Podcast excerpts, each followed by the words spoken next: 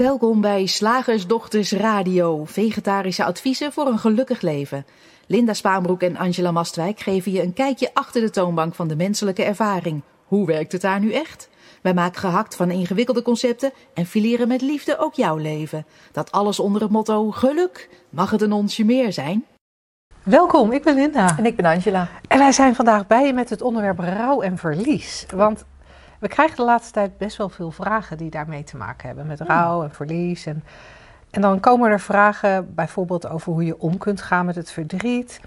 Of dat er gradaties zijn in verlies. Bijvoorbeeld of het verliezen van een partner door dood erger is dan het verliezen van een partner omdat hij of hij of zij het uitmaakt.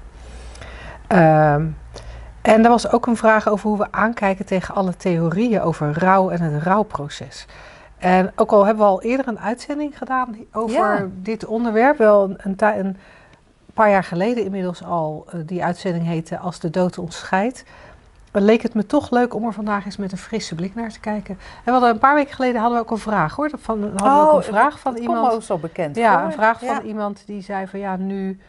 eh, eh, toen mijn man nog leefde, ging ik gewoon de deur uit en dacht ik de hele dag niet aan hem. En nu, ga, ja, nu denk ik de 24 uur per dag aan. Ja, Dus dat, dat, die vraag zit in een radioshow van twee, drie weken geleden, denk ik.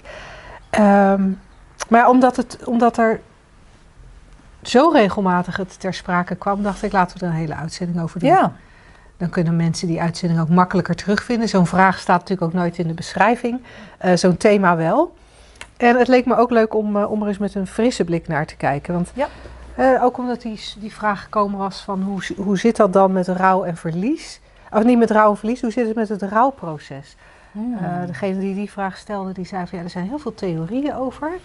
En ik heb het idee dat als je daarvan met inzicht in de drie principes naar kijkt, dat, dat, het, dat het eigenlijk net even anders is dan die rouwprocestheorieën. zeker. Maar ze konden het niet onder woorden brengen. Zeker. Eh, al was het maar eh, door het feit dat wij eh, helder maken, hoop ik, dat tijd weliswaar lijkt te bestaan, maar illusoir is. En dat we het onszelf ontzettend moeilijk maken als we dingen in de tijd gaan zetten en er dus een proces van maken. Of een, een reis van maken, van het leven bijvoorbeeld, of van eh, eh, iets anders. Dus we maken overal een proces van en een reis van. En een, ehm, ja, we zetten dingen in de tijd. En daarmee maken we het ingewikkeld, want daarmee gaan we ook kijken hoe het ermee staat. Ja, want ik denk dat je daar iets belangrijks zegt. Hè? Want het, het in, de, in de tijd zetten, ehm, kan ik me voorstellen dat dat best nog wel lastig is voor mensen. Want eh, ja, maar eh, hij is dood. Hij is nu een maand dood. Hij is nu een half jaar dood. Hij is Ja. nu een jaar dood. Ja. Of zij is nu anderhalf jaar dood. En ik denk nog steeds aan haar. Ja. Of ik moet nog steeds wel eens huilen om haar. Of ik ben nog steeds wel eens boos. Of wat het dan ook is. Dus die tijd die lijkt zo onwijs echt. Als we die verhalen gaan vertellen, wel. Maar in werkelijkheid is er natuurlijk in het moment verdriet of niet. Ja, en dat is misschien wel waar inzicht in de drie principes je een andere kijk kan geven op rouw en verlies dan uh, rouwprocestheorieën. Omdat die er inderdaad allemaal uitgaan dat, van uitgaan dat het een proces is, dat er verschillende stadia zijn. Uh, en dat impliceert ook een beetje dat dingen over zullen gaan. Het impliceert ook dat bepaalde ervaringen op enig moment er niet meer zullen zijn. En dan kan je ook, dan kan je ook gaan meten. Ja. Oh, uh, volgens het rouwproces zou ik nou toch wel ongeveer in, in, de, in de boosheidsfase moeten zitten. Of volgens rouwprocestheorieën zou ik nu in de berusting moeten zitten. Uh, en ik weet wel dat die theorieën ook kunnen zeggen dat, je alles, dat alles in zijn eigen tijd plaatsvindt. En toch ziet het er voor mij uit alsof daarmee, alsof daarmee het, het hier en nu tekort gedaan wordt. Ik heb het idee dat er daarmee ook bepaalde ervaringen, en dat zal als er net iemand overleden is, misschien wat vaker de ervaring van verdriet zijn, of van boosheid, of van angst voor de toekomst. Dat weet ik eigenlijk niet uh, hoe dat voor jou zal zijn. Maar dat dat, dat, dat gevoel, uh, daar wordt een oordeel over geveld. Mm -hmm. En wat ik zo hoor van mensen is dat in de eerste dagen na een overlijden of misschien zelfs de eerste weken, mag je nog best wel veel huilen. Maar dan moet je verder met je leven. En voor mij ziet het er een beetje uit, hè? Uh, in het kader van die vraag van is het verlies van een partner door de dood erger dan doordat hij of zij bij je weggaat. Um, dat, dat als een, een partner bij je weggaat, dat, er, dat we nog strengere regels aan onszelf stellen over wat er mag qua verdriet, wanneer het mag. En, um, en we bijna nog minder goed kunnen zien dat, er, dat de ervaring in het moment zo onwijs wisselend is. Als je, als je scherp zou kunnen kijken, oh ja. of als je objectief zou kunnen kijken, dan zou je zien dat, dat er bijna elke seconde een andere ervaring is of kan zijn. Maar op de een of andere manier is het heel erg makkelijk. Niet alleen maar rouw en verliezen, maar is het gewoon heel erg makkelijk om een bepaald gevoel wat ons opvalt, wat we niet fijn vinden, om, om daarop te gaan letten, hoe lang het er al is. En ook te denken dat het er langer is dan het, dan het er is. Ja, of misschien zelfs al de eerste stap, het, het, het een, een, label te geven. Want ik signaleer een tendens en misschien is het niet waar, is het gewoon simpelweg de, uh, uh, alleen mijn waarneming. Dat, we, dat er steeds meer de neiging is om dingen te willen benoemen en te theoretiseren. want uh, nu hebben we rouw, voor mij hangt dat vast met inderdaad een overleden iemand. Maar we, we, we, geven dat label nu ook al bij verbroken uh, relaties. Maar ook bij, ik zag laatst uh, op LinkedIn ook een, een, verhaal van... nee, maar als je je baan kwijt bent, als je ontslag hebt gekregen... dan is er ook een rouwproces. En het, dat lijkt uh, geschreven te worden om mensen te helpen. En ik denk, dat helpt ons totaal niet. Er gebeuren dingen in het leven je merkt dat je niet meer op je werk mag komen. Er zijn er overlijden mensen, dat is de enige zekerheid in het, in het leven. En uh, soms op, op een moment waarvan we uh, dachten dat het niet zou gebeuren. We hebben er een mening over dat het te vroeg is. Of misschien met de verkeerde reden. En je mag wel hier aan doodgaan, maar niet zo'n lullig ongelukje als van, thuis van de trap afvallen. Um, en ik merk gewoon dat door, door de, laten we even zeggen, theoretisering. En misschien is het ook wel dramatisering. Uh, van onze, nou ja, leefomgeving, maatschappij. Het bestaat niet, hè, maar ik moet even woorden vinden voor um, wat er waargenomen wordt.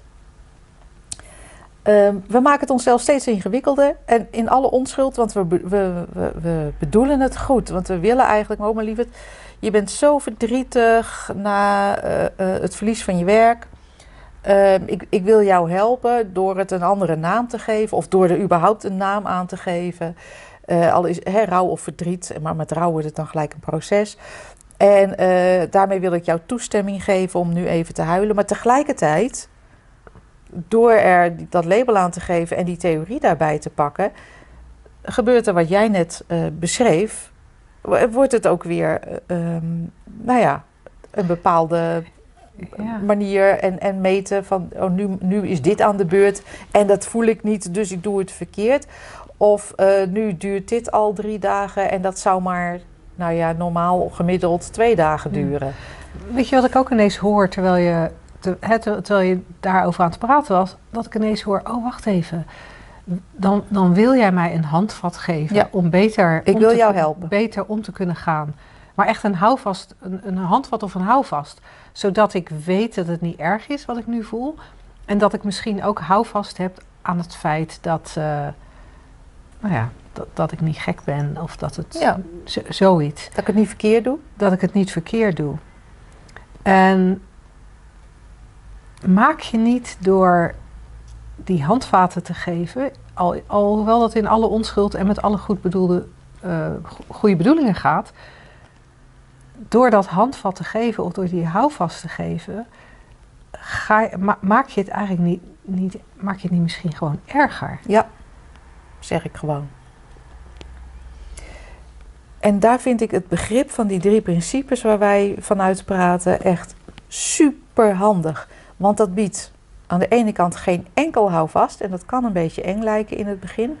Aan de andere kant maakt het heel helder dat elke ervaring in het moment oké is en jou niet beschadigt. Simpelweg is wat er gebeurt op het menselijk vlak en geen probleem.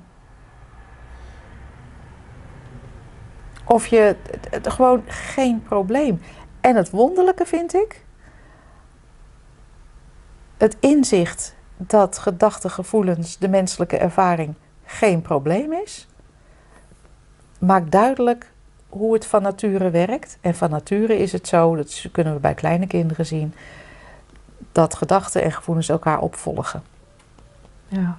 In dit systeem wat wij het aardepakje of het lichaam noemen of het ervaringsvoertuig. Het ene moment Ja. is er verdriet, dan ben je afgeleid door de postbode die een mooie bos bloemen komt brengen. Het volgende moment lees je het kaartje, ben je ontroerd. En weer het volgende moment komt de gedachte, waarom ik, waarom nu, waarom en zit je in diep verdriet. Nou en? Ja. Wat ik, her- wat ik herken bij gevoelens. En, en gevoelens is voor mij, weet je, dat. dat ik, misschien kan je net zo goed emoties zeggen of sensaties zeggen. Want als ik het woord gevoelens gebruik, dan gaat het, wat mij betreft, eigenlijk over, over al, die al die sensaties, alles wat er in je lijf en, en misschien wel in je hoofd gebeurt. Hè. Het voelt althans of- alsof het in je hoofd zit. Zowel het denken als, als die, fysieke, die fysieke reacties. En wat ik merk, dat als, die, als er gevoelens zijn, dat er supersnel denken bij die gevoelens komt. Ja. En we zeggen heel vaak, er is, er is denken dat geanimeerd wordt door het bewustzijn en dan, dan voel je wat je denkt. Maar het kan net zo goed andersom gebeuren dat het denken helemaal niet zichtbaar is. Misschien is er niet eens denken, dat weten we niet. Hè. We weten helemaal niet of er op een soort onbewust niveau iets door je heen gaat. Wat we wel kunnen zien is, of herkennen is dat er een gevoel opkomt. Ja. Dat dat gevoel eh, waargenomen wordt en dat dat gevoel vervolgens een label krijgt. En, en het wordt gecategoriseerd in goed of niet goed. En als het een oké gevoel is, als het iets is wat lijkt op blijheid of gelukkig zijn of tevreden zijn, dan, dan mag dat. Maar heel vaak komt er al dan al heel snel de gedachte op. "Ja, Maar als, dit, als het nou deze keer maar blijft. Nou, we've got news for you. Dat doet het niet. Het blijft gewoon nooit. Dus ook dat, ook dat gelukkige gevoel blijft niet. En als er een gevoel komt wat we eh, categoriseren eh, in, in de foute of, of minder gewenste categorie, dan willen we er graag van af. En zelfs als we dan geleerd hebben, ja, maar rouw hoort erbij, verdriet hoort erbij, dan, zelfs dan kan het nog lastig zijn. Want is dit nou, is dit nou verdriet of is dit zelfmedelijden? Kunnen we over na gaan denken. En we kunnen er ook over na gaan denken eh, of, of, of dit wel acceptabel is. En we kunnen erover na gaan denken hoe lang dit zal duren. En we kunnen erover na gaan denken eh, of, weerstand hebben tegen het feit dat het gevoel er is. En met die weerstand tegen het gevoel komt dan vaak ook heel veel weerstand eh, tegen de omstandigheid waar we het gevoel aan koppelen. Ja, of weerstand ook tegen andere mensen die een andere ervaring hebben eh, van, van, het, eh, van hetzelfde gegeven bijvoorbeeld. En als ik zeg nou en, dan, dan bedoel ik niet van een onverschilligheid, maar gewoon eh, een nou en vanuit het begrip dat het werkt zoals het werkt. En dat die menselijke ervaring gewoon zijn gang mag gaan en dat daaronder, daarachter, daarin, juist de voorzetsel hebben we niet. De totale okéheid is die je in wezen bent. Okéheid is een, eh, een, een lekkere, nuchtere slagersdochtersterm. Je zou het ook anders, eh, anders kunnen noemen. Maar in ieder geval dat je, dat, dat, dat je wie je in wezen bent, of wat je in wezen bent, is misschien een betere formulering, ehm, wordt niet beschadigd door al die gevoelens, welke kant het ook opgaat. En, en dat is fundamenteel om te weten dat dat er altijd is. Altijd. Ja, en, en zo, als we er nu zo over zitten te praten, realiseer ik me ook van dan gaat het eigenlijk niet eens over rouw en verlies alleen. Als, dan, dan gaat het eigenlijk over alle gevoelens die we hebben. Ja. Hoe, we ze, hoe we ze ook benoemen, hoe we ze ook labelen. eh, in welke, of ze in de goed categorie of in de fout categorie, of gewenst of ongewenst zijn. Dit geldt voor alle gevoelens. Ze spelen zich allemaal af in een, zich, in, in een hoog tempo, ook- hoog tempo elkaar opvolgend. Tegen die achtergrond van altijd, eh, altijd oké zijn. Ja. Daaronder Misschien is het wel altijd zijn. is er altijd dat zijn. Ja, ja mooi. We gaan naar de vraag. Zeg, slagersdochters, hoe bak ik die vegaburger? Over naar de luisteraarsvraag. De vraag van vandaag. Ik zou me graag na 40 jaar huwelijk minder willen irriteren aan mijn echtgenoot. Mijn man is oké, dat heb ik zojuist uit jullie boek Het mag ook makkelijk geleerd. En hoogstens wat dominant, een hamster, een somberaar en een klootzak naar mij toe. Nou, die, die, die termen, een hamster, somberaar en klootzak, voor wie ons boek niet gelezen heeft, dat zijn een aantal van de typetjes die in ons boek voorkomen. De anonieme vragenstelster gaat verder. Zelf ben ik dus ook oké, daar was ik wel al van overtuigd. En hoogstens net zo dominant, een stinkende taartenbakker en een beetweterige en bitchende keno naar hem toe. Ook weer een paar typetjes uit het boek. We doen enorm ons best om ons huwelijk een beetje leuk te houden. En hij is de afgelopen jaren alleen maar milder en liever geworden. Lang leven de afname van testosteron bij mannen van middelbare leeftijd. Ik ben echter nog steeds even niet lief en erger me dus soms kapot aan de mindere kanten van zijn karakter en gedrag. Daarbij ben ik blijkbaar ook niet in staat dit te verbergen. Mijn echtgenoot is best heel erg sensitief en ik dus lomp en onaardig. Ah, wat een geweldige vraag. Wat een geweldige vraag. Ik zie ze ook voor me. Ja, Ja, ja. ja. Nou, weet je wat ik eh, ehm, geinig vind? Ik, en ik snap, dit is onze wekelijkse radioshow. Daar gaan we meestal niet heel diep in op de dingen. Dat doen we wel in, in de live bijeenkomsten die we hebben. 14 februari, mensen, gaat het over de liefde. Je bent welkom. Eh, kijk, op, Misschien ook leuk voor deze vraag gesteld. kijk op shiftacademy.nl. Onder ons aanbod, daar vind je eh, de gelegenheid om zo'n shiftdag te boeken, 14 februari. Maar, ehm, dus ondanks het feit dat dit de, de oppervlakkige podcast is, wil ik toch even zeggen ehm, dat we het vaak zo persoonlijk maken, eh, de, die karaktereigenschappen. En nu werd het op een hele lollige manier gedaan, omdat er gerefereerd werd aan die karakters in ons boek. Ehm, maar wij leggen in dat boek ook uit dat je dat niet bent. Dat het is wat er in de menselijke ervaring wel kan gebeuren. Maar dat het niet is dat je eh, dat bent en moet veranderen. Jij niet, maar je partner ook niet. Er is iets, iets diepers te zien. En ehm, ik, ik vind wat er in mij op kan toen ik naar jou luisterde, Linda, toen je de vraag oplas. Ehm, omdat ik net ook een gesprek heb afgesloten waarin dat, eh, eh, waarin dat ook opkwam. De term in het Engels somebody. Iemand. Maar dan gehoord als somebody. Een, Een lijf. een of ander lijf. en ik vind het heel cool om eh, naar, naar mede-mensen te kijken, wetend dat, het, dat, dat, dat ze dezelfde essentie hebben als ik. Dat ik dus eigenlijk naar mezelf zit te kijken in een ander aardepakje, in een an- andere body, zou je kunnen zeggen. En dat geldt natuurlijk ook voor onze partners en iedereen eh, eh, heel ver weg of heel- die heel dichtbij staat.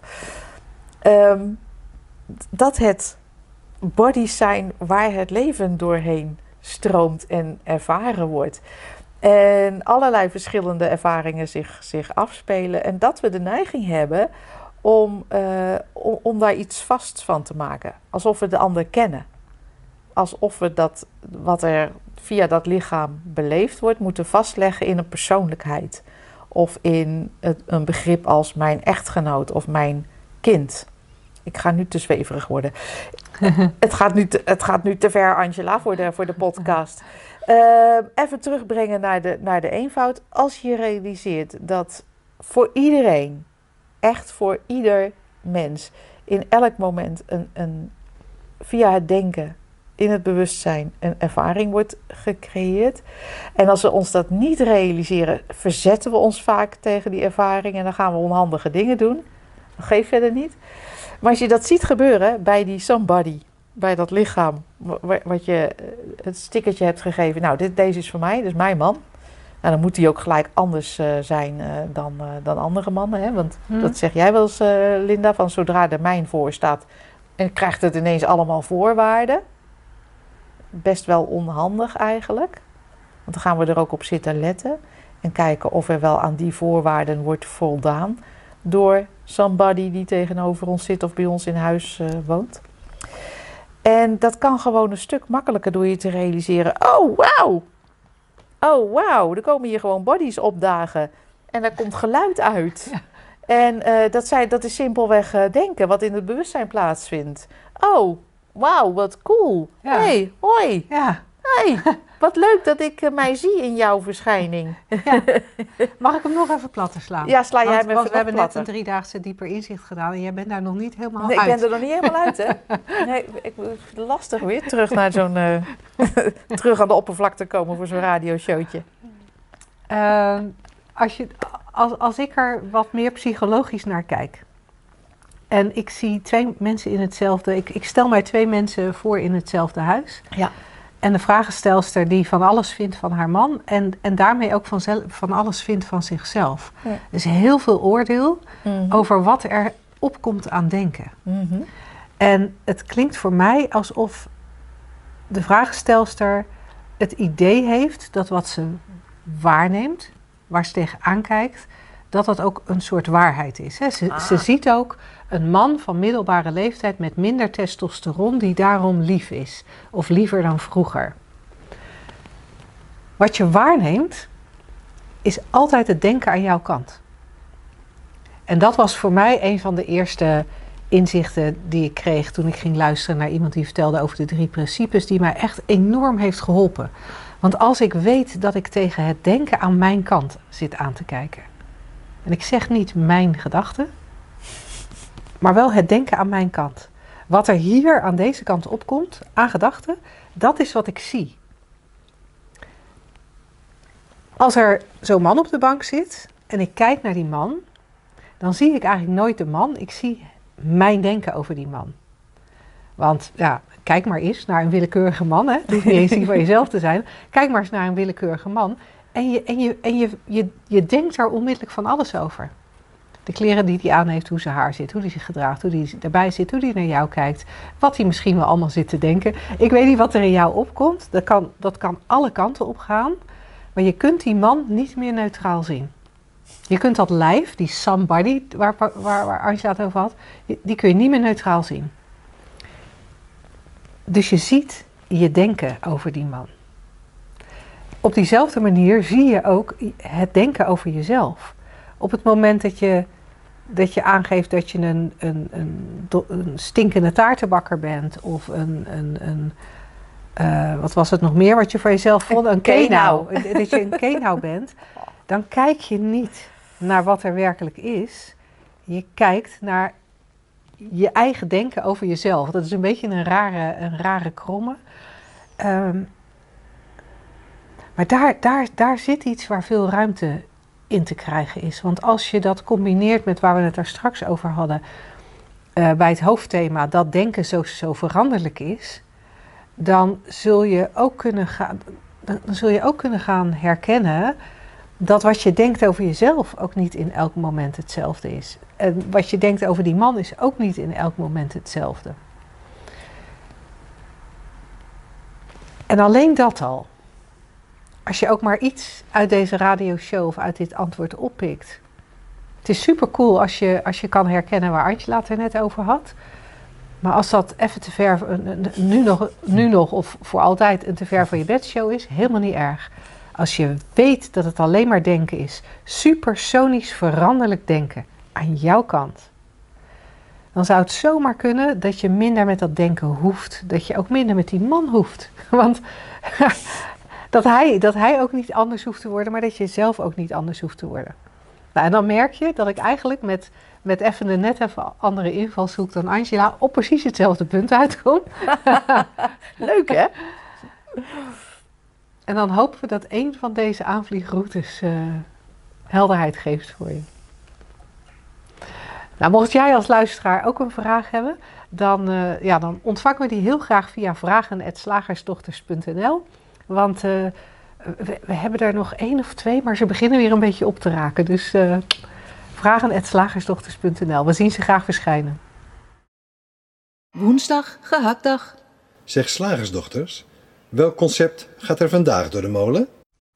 Angela. Ja, Linda. Wat wij vandaag door de gehaktmolen gaan slingeren, is het concept: je moet op je woorden letten. Oh. En die, uh, en die kwam uit uh, de uh, groep van onze, onze opleidingsgroep, de WhatsApp van onze opleidingsgroep voor de Principles Facilitator. daar, daar werd iets van een grapje gemaakt over expliciete taal, eigenlijk aanstootgevende taal. En toen had hij zoiets van ja, vanuit de drie principes kan taal toch eigenlijk niet aanstootgevend zijn. En taal is toch de betekenis die we daar zelf aan geven? Of is dat te kort door de bocht? En hij had zoiets van hé, hey, wat vinden de slagersdochters daar eigenlijk van? Wat hebben die daar voor een kijk op? Dus ik heb dat even vertaald naar je moet op je woorden letten. Oh. Want voor mij klonk dat zo, want als ik als, als expliciete taal niet mag of als taal aanstootgevend zou kunnen zijn, ja, dan klinkt daar voor mij in door van je kunt bepaalde taal op bepaalde plekken wel gebruiken en op andere niet. Ik zit toevallig Downtown Abbey te kijken. Ik geloof dat ik heel erg achterloop bij alle Netflix-kijkers, maar ik, ik ben nu pas begonnen aan Downtown Abbey en dat, dat speelt in het uh, begin van de 20e eeuw. Althans, waar ik nu ben, speelt het in het begin van de 20e eeuw. En uh, in een, een, landhuis. En daar is alles nog heel erg proper. Hè? Echt, oh, echt ja. Engels, echt volgens Woe. de regels. En uh, de, de, zowel de adel die er in dat huis woont als de bedienden die in dat huis wonen, hebben allemaal heel strenge regels over wat wel gezegd mag worden en wat niet gezegd mag worden. Ja. En wat aanstootgevend is, is als ik deze serie moet geloven, nou, echt. Bijna alles, denk ik. Ja, wat wij tegenwoordig gewoon, gewoon zo even in zo'n radioshow zeggen. Dat is daar al aanstootgevend als je het in, uh, in intiem familieverband ja. tegen elkaar zegt. Ja, ja. zoals een, een, een, blote enkel destijds waarschijnlijk ook aanstootgevend uh, was.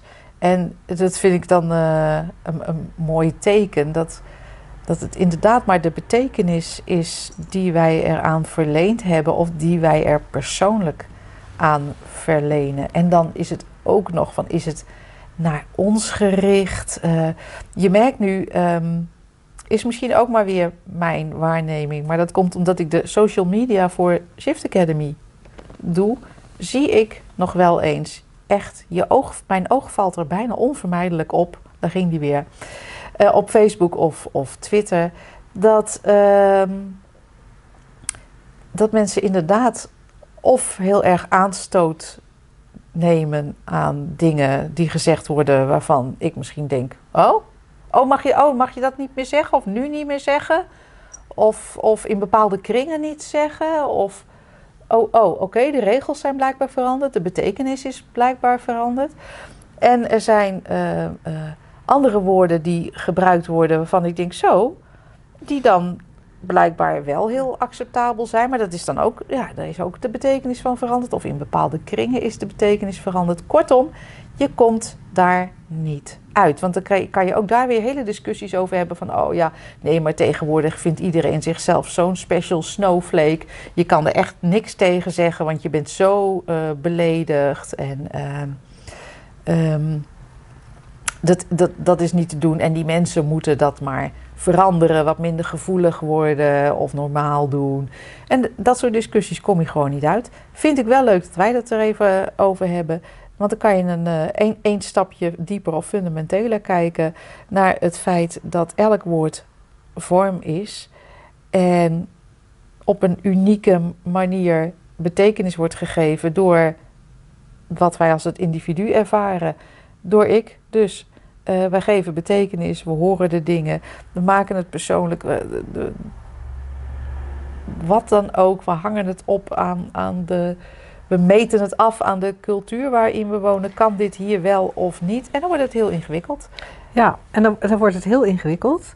En tegelijkertijd, dit, dit, dit vind ik wel heel mooi om, om dan, weet je, dan kan ik voor mezelf zien van hé, hey, wat iemand anders zegt, wat ik aanstootgevend vind. Zoals jij het nu vertelt, denk ik van, oh, maar dat is heel herkenbaar voor mezelf. En, en, en dan kan er bij mij iets veranderen, Ja. waardoor ik daar geen last meer van heb. Maar nu andersom. Ja, Dan, dan zeg ik iets. Ja. En iemand anders neemt daar aanstoot aan. dat kan. En daar zit voor mij een hele coole. Omdat, het, omdat daar voor mij een, een kijkrichting zit of een, of een aanwijzing dat in die momenten waarop ik op ga letten op mijn eigen taal, op ga letten op wat ik, op ga letten Ja. wat ik zeg, omdat ik anderen niet voor het hoofd wil stoten, of lief wil zijn, of niet verstoten wil worden, of niemand wil beledigen. Er kunnen allerlei, allerlei redenen voor zijn. Nou, wat ik interessant vind om te herkennen is dat in die momenten waarin ik bewust bezig ben met taal en bewust nadenk over wat ik zeg, eigenlijk een soort filter leg over alles wat er uit mijn Ja. mond komt, dan, dan, dan zie ik even één belangrijk dingetje over. Nou, ik zie meer dan één belangrijk dingetje over het hoofd. Maar één belangrijk dingetje wat ik over het hoofd zie, is het feit dat er niks buiten mij is dat mij gelukkig of ongelukkig kan maken. En in die momenten dat ik op mijn taal let, denk ik dat dat, dat dat wel het geval is. Denk ik dat als ik iemand boos maak, ik minder gelukkig zal zijn. Of denk ik dat als ik iemand boos maak, ik minder oké zal zijn. En er is een kijkrichting. Die is leuk, want die had ik echt nooit bedacht. Zo. Er is, er, is, er, is een kijk, er is een kijkrichting dat, dat je altijd oké bent. Wat er ook uit je mond komt. En wat een ander er ook van vindt. En dat dat, dat, dat oké zijn op een diepere laag zit dan even het oppervlakkige. Kijk jij wel vriendelijk naar mij? Ja, zeg jij wel de juiste woorden tegen mij, waardoor ik jou een acceptabel figuur vind. Wat grappig dat je die ingang eh, neemt, dat had ik nooit bedacht. En ik eh, bedenk ook gelijk een nieuw typetje wat in eh, ons volgende boek dan eventueel kan. Hè? De zelfcensuur. eh, Ja. Hoe maak je daar een, een, Ja, een beroep van? De zelfcensurist? Wa- Wat doet iemand die censuur? ja, nou gewoon de censurist of zo. Ja? Er waren, er waren destijds, daar, ik heb daarover gelezen in de Tweede Wereldoorlog, waren er mensen die hadden dat als baan. Oh ja, om overal de verkeerde woorden uit. Maar ja. Ja. ik zou eens moeten opzoeken hoe, hoe die baan Dat gaan, dat, dat gaan wij eens doen, want ik vind het een hele leuke. En, en dat zou je kunnen horen hè, als je die zelfcensuur eraf eh, laat. Omdat je weet dat, dat, je, dat iedereen eh, in essentie oké is wat er ook aan woorden uitgewisseld wordt. Dan zou je kunnen horen, ja, maar dan ga ik dus zomaar mensen uitschelden. Dat zegt het, eh, Mhm. dat is een eh, veelgehoord bezwaar van ja, dan doe ik maar eh, wat in me opkomt. En dat is dan vervelend voor de ander of dat is niet acceptabel in onze maatschappij. En ik denk, nee, als je realiseert wat jij net vertelt, dat het, ehm, als je dat woord oké zijn vervangt door als, dat je weet dat je in essentie één bent of liefde bent, dan is dat helemaal niet meer de opzet.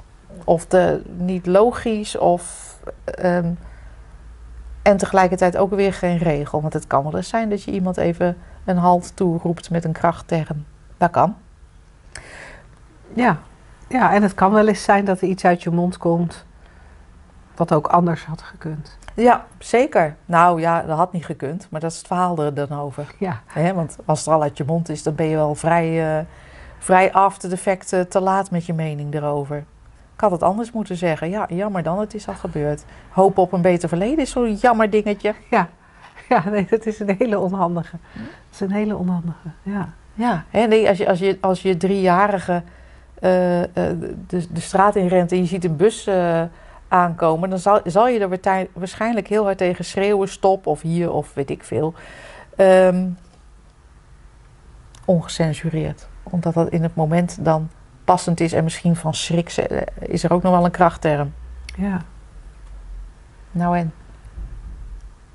Ja, en er is iets heel cools in. Als, als, als gezien wordt wie je, waar, wie je werkelijk bent, wat je ware natuur is. Die pure liefde, zoals jij zegt. Dat, dat er ruimte komt om de censuur, dat de censuur Ja. kan wegvallen.